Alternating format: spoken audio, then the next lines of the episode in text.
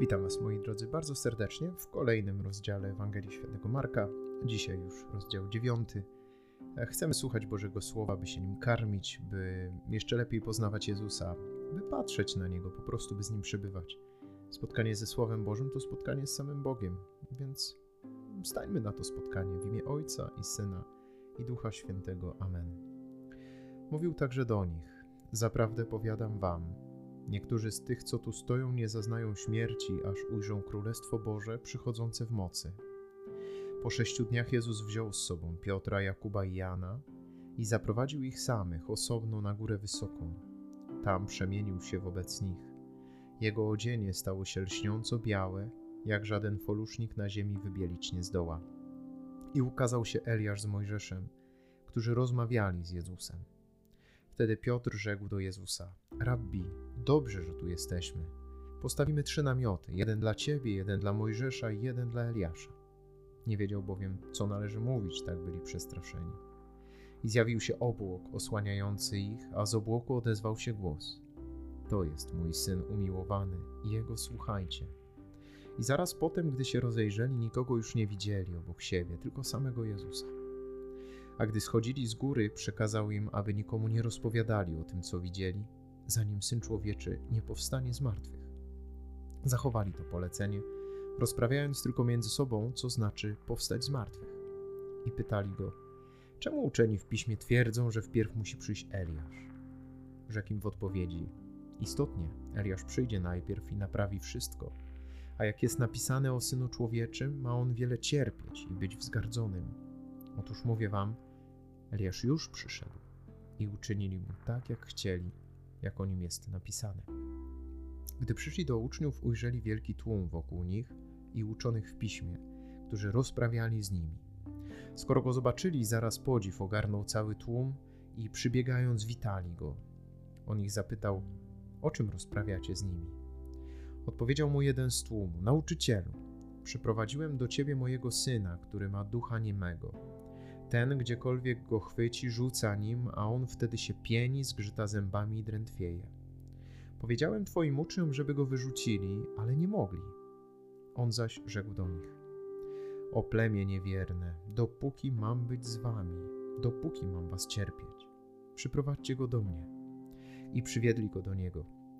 Na widok Jezusa duch zaczął szarpać chłopca tak, że upadł na ziemię i tarzał się z pianą na ustach. Jezus zapytał ojca: od jak dawna mu się to zdarza? Ten zaś odrzekł od dzieciństwa i często wrzucał go nawet w ogień i w wodę, żeby go zgubić. Lecz jeśli możesz, zlituj się nad nami i pomóż nam. Jezus mu odrzekł: Jeśli możesz, wszystko możliwe jest dla tego, kto wierzy. Natychmiast ojciec chłopca zawołał: Wierzę, zarać memu niedowiarstwu. A Jezus, widząc, że tłum się zbiega, rozkazał surowo duchowi nieczystemu: Duchu niemy i głuchy rozkazuje ci wyjść z niego i nie wchodź więcej w niego. A on krzyknął i wyszedł wśród gwałtownych wstrząsów. Chłopiec zaś pozostawał jakby martwy, także wielu mówiło: On umarł. Lecz Jezus ujął go za rękę i podniósł, a on wstał. Gdy przyszedł do domu, uczniowie go pytali na osobności: Dlaczego my nie mogliśmy go wyrzucić? Rzekł im: ten rodzaj można wyrzucić tylko modlitwą i postem. Po wyjściu stamtąd podróżowali przez Galileę. On jednak nie chciał, żeby ktoś wiedział o tym. Pouczał bowiem swoich uczniów i mówił im: Syn człowieczy będzie wydany w ręce ludzi. Ci go zabiją, lecz zabity po trzech dniach zmartwychwstanie. Oni jednak nie rozumieli tych słów, a bali się go pytać. Tak przyszli do Kafarnaum. Gdy był w domu, zapytał ich: O czym to rozprawialiście w drodze? Lecz oni milczeli, w drodze bowiem posprzeczali się między sobą o to, kto z nich jest największy. On usiadł, przywołał dwunastu i rzekł do nich: Jeśli kto chce być pierwszym, niech będzie ostatnim ze wszystkich i sługą wszystkich. Potem wziął dziecko, postawił je przed nimi i objąwszy je ramionami, rzekł do nich: Kto przyjmuje jedno z tych dzieci w imię moje, mnie przyjmuje, a kto mnie przyjmuje, nie przyjmuje mnie, lecz tego, który mnie posłał. Wtedy Jan rzekł do niego: Nauczycielu, widzieliśmy kogoś, kto nie chodzi z nami, jak w Twoje imię wyrzucał złe duchy, i zabranialiśmy mu, bo nie chodził z nami. Lecz Jezus odrzekł: Nie zabraniajcie mu, bo nikt, Kto czyni cuda w imię moje, nie będzie mógł zaraz źle mówić o mnie. Kto bowiem nie jest przeciwko nam, ten jest z nami. Kto wam poda kubek wody do picia, dlatego że należycie do Chrystusa, zaprawdę powiadam wam, nie utraci swojej nagrody.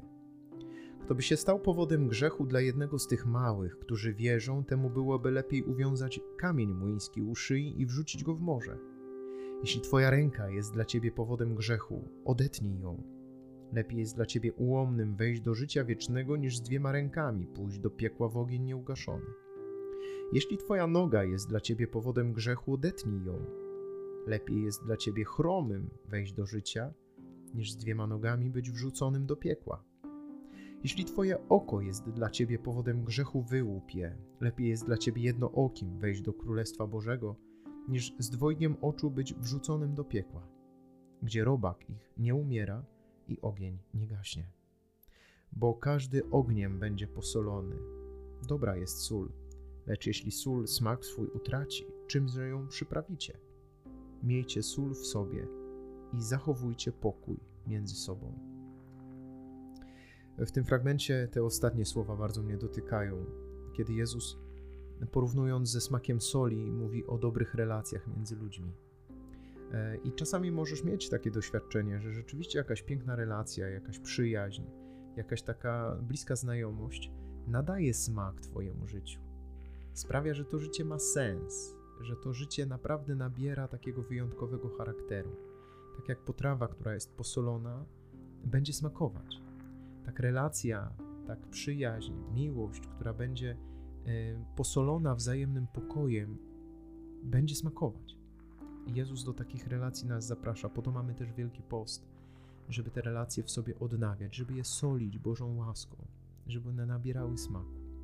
I drugi fragment, który bardzo mnie dotyka w tym, e, e, w tym rozdziale Ewangelii, to jest ten moment, kiedy Jezus schodzi z góry i uczniowie nie mogą wyrzucić e, złego ducha z dzieciaka.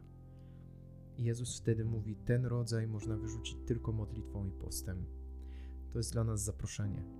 To jest zaproszenie do modlitwy i do postu właśnie w tym świętym czasie nawrócenia. I nie tylko teraz, ale w ogóle przez całe nasze życie.